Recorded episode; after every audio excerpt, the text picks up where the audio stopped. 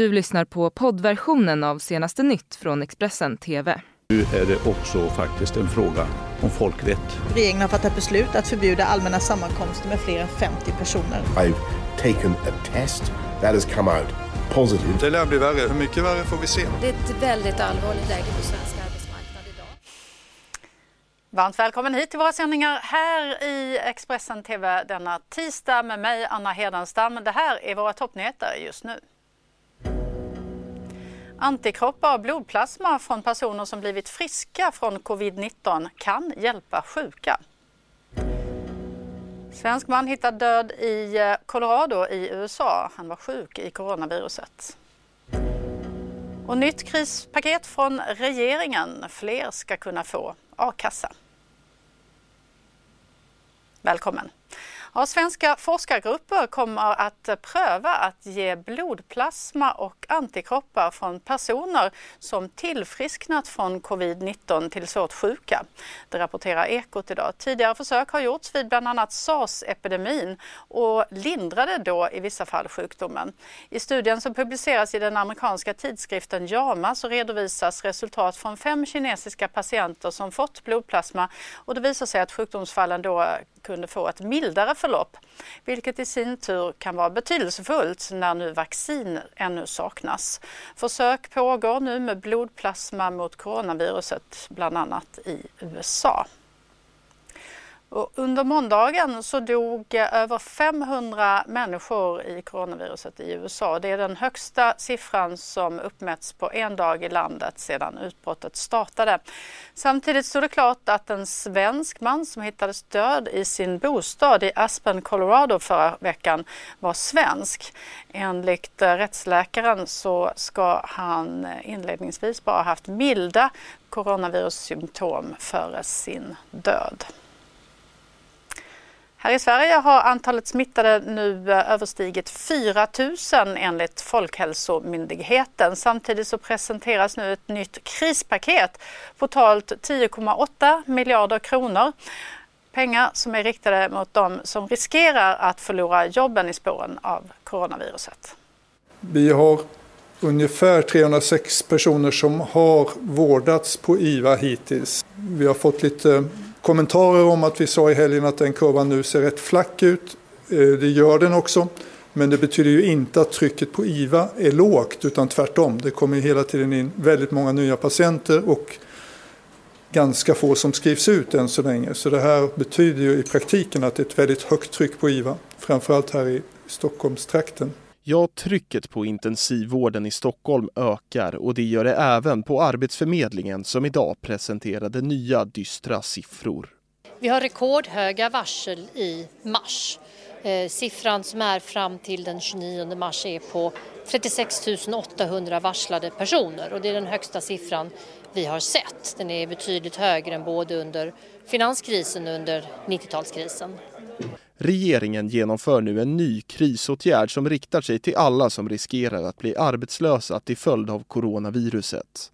Paketet kostar 10,8 miljarder kronor och den största delen, 5,3 miljarder, går till förstärkning av a-kassan. Men vi eh, gör det både lättare att komma med i eh, a-kassan, att uppfylla medlemsvillkoret så att man bara behöver vara medlem några månader istället för ett år som tidigare. Men också att man inte behöver ha jobbat lika mycket innan för att kvalificera sig till arbetslöshetsförsäkringen. Eh, Fler kommer nu få tillgång till a-kassa än tidigare då medlemsvillkoret kan uppnås efter tre månader istället för tolv som det var tidigare. För att det är ju ett läge där vi riskerar att många blir arbetslösa och då vill vi ju inte att, eh, att så få människor som möjligt ska behöva försörjningsstöd eftersom socialtjänsten redan är ansträngd i kommunerna. Så när vi höjer golvet i a-kassan då är det fler som kommer kunna leva på det. Men vi vill också höja taket eftersom det riskerar att vara många som samtidigt är arbetslösa och att det kan få återverkningar i ekonomin om det är många som får väldigt kraftigt sänkta eh, inkomster, bland annat för möjlighet att betala ränta och amorteringar på huslån. Och sjukvården sätts ju under hård press eh, nu under coronautbrottet. Som värst väntas det bli under andra halvan av april och in i mitten av maj. Det tror professor i matematik Tom Britton och så här sa han när han medverkade i SVTs Aktuellt igår. Men du som har verkligen räknat på det här med smittspridningen, vad, vad tror du? När tror du att det här börjar klinga av? Jag tror ju att det kommer vara som värst för sjukvården i eh, andra halvan av april och maj. Sen kommer juni kommer det börja vara lite lägre. Mm. Och sen under sommaren kommer det klinga av helt. Så att efter sommaren hoppas jag i alla fall att det är i princip borta. Mm. Då hoppas vi att du får rätt. Jag hoppas det. Tack så mycket för att du kom. Tack så mycket. I USA där är ju New York den delstat som drabbats, eh, drabbats hårdast av coronaviruset. Stadsdelarna Brooklyn och Queens är så kallade hotspots, alltså platser där viruset fått större fäste än på andra platser. På Brooklyn Hospital ligger patienter tätt i korridorerna och personalen beskriver det som att arbeta i en krigszon. Men det finns ljus i mörkret. På sjukhuset i Brooklyn har man nu som en av de första sjukhusen i USA börjat pröva en ny och snabbare testmetod. This is a war zone. It's a medical war zone. Inside Brookdale Hospital, every inch of space is valuable as they care for a never ending stream of patients. We need prayer, we need support, we need gowns, we need gloves. Despite the overwhelming obstacles, they have one advantage.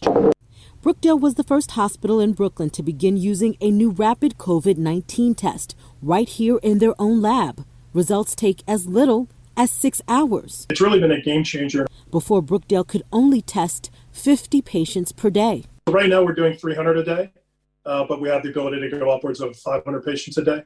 The rapid test was developed by pharmaceutical giant Abbott Labs. Abbott secured emergency approval by the FDA just days ago. There was a lot of uh, more uh, well known facilities that they could have focused on, but they instead focused on the real hotspot, which is uh, uh, Brooklyn and Queens.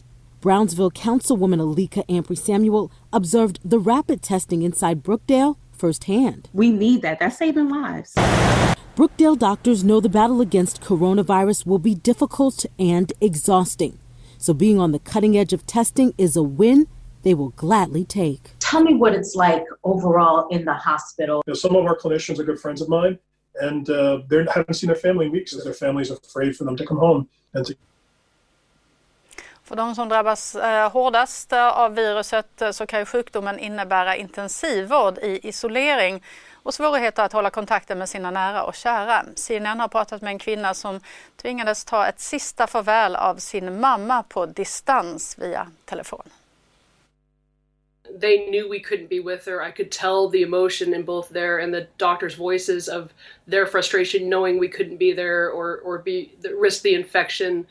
Um, so the nurse Tatiana at the end, she had called me about ten o'clock at night and said, um, you know, your mother's breathing is changing, you know, we can see that it, it probably won't be much longer. Um, I'm going to take my cell phone. So it was her personal cell phone, mm. and I'm gonna I'm gonna go and get dressed in all the protective gear I have to be in, and then I'm going to put the phone up to her face so that you can tell her you love her and say your goodbyes. And I, it was so touching just to know that I, I, couldn't be there. And I said to the nurse, I said, "Can you please hold her hand? Can you rub her head? Can you pretend, you know, like I we're there with her?" And she said, "She will not be alone. We will stay mm. with her to the end." And uh, so, ten minutes later, we get the phone call for FaceTime, and you know, she put it right up to my mother's face, and um, you know, I could I could tell my mom I loved her and how much I was going to miss her. I eh, USA där har nu mer än 2800 personer mist livet till följd av coronaviruset och mer än var tredje dödsfall har skett i New York. Och nu säger guvernören där, Andrew Cuomo, att det som händer i New York bara är en försmak av det som sen kommer att drabba hela USA. Anyone who says this situation is a New York City only situation is in a state of denial You see this virus move across the state, you see the virus move across this nation. Uh, there is no American who is immune to this virus. I don't care if you live in Kansas, I don't care if you live in Texas. Uh, there is no American that is immune. What is happening to New York is not an anomaly. There's nothing about it a New Yorker's immune system that is any different than any other American's immune system. So, in many ways, New York is just a canary in the coal mine. What you see us going through here, you will see happening all across this country. Här är eh, inne på tredje veckan här nu av, eh, in, av att eh, folk håller sig hemma. Skolorna är stängda, över en miljon barn hemskolas och Eh, folk uppmanas att hålla sig hemma och framförallt att hålla distansen här i New York. Så det är en ansträngd situation. Eh, borgmästaren de Blasio sa också att eh, sjukhusen i nuläget här i New York har ungefär en vecka av medicinsk utrustning kvar. Och äh, siffrorna över antalet smittade och eh, döda i hela världen uppdateras ju hela tiden land för land. Men är siffrorna verkligen relevanta? Och går det verkligen att eh, jämföra siffror från olika länder på det här sättet? Flera forskare menar nu att man ska ta de här siffrorna och statistiken med en nypa salt. Intresset för att följa utvecklingen i coronaepidemin är stort och för den som vill grotta ner sig i siffror finns oändliga mängder statistik, diagram och kurvor att ta del av. Till exempel får John Hopkins universitetet i Baltimore över en miljard aktiviteter varje dag på den här digitala världskartan. Men hur tillförlitliga och relevanta är egentligen siffrorna som vi läser? Och är det verkligen möjligt att rakt av jämföra olika länders coronasiffror? Till exempel, Storbritannien uppvisar en hög dödlighetsprocent. Omkring 20 000 sjuka och 1200 döda. Det ger en dödlighet på 6% Motsvarande siffror för Tyskland är 60 000 sjuka och 500 döda. Med andra ord en betydligt lägre dödlighet, 0,8% Så hur kan siffrorna vara så olika? I en artikel i CNN pekar flera experter på skillnader i de två ländernas provtagning. I Storbritannien tas bara prover på de som är tillräckligt sjuka för att behöva sjukhusvård. Men i Tyskland tar man prover på alla som har influensasymptom eller har varit i kontakt med någon som är smittad eller har besökt ett högriskområde. Så här säger professor Steven Lawrence som är expert på infektionssjukdomar vid Washington-universitetet i St. Louis. In a perfect world, the case fatality rate would tell us exactly how deadly the virus is. But right now, it probably doesn't. And the reason is that you need to be sure about both of the numbers in that ratio. And right now, infectious disease experts are pretty confident that they know the true number of coronavirus deaths in most countries, but they are pretty sure they don't know the true number of people who have been infected. Steven Lawrence menar att den stora skillnaden mellan olika länder är missvisande och kommer att minska när forskarna får tillgång till mer data. En annan faktor som kan ställa till problem är skillnaden på vårdkapacitet i olika länder. Tittar man på antalet döda kan man få en indikation på hur allvarlig situationen är i det landet. Men att två länder skiljer sig i antal döda behöver inte betyda att viruset är mer utbrett i det ena landet utan kan lika gärna handla om att landet med många döda har sämre standard och resurser. Det säger Michael Tildesley, professor i matematisk epidemiologi, till CNN. Mm, vi ger dig förstås det senaste om coronaviruset och dess effekter här i våra sändningar hela dagen. Ha en fortsatt fin tisdag, vi är strax tillbaka. Du har lyssnat på poddversionen av senaste nytt från Expressen TV. Tillförordnad ansvarig utgivare är Klas Granström. Ett poddtips från Podplay.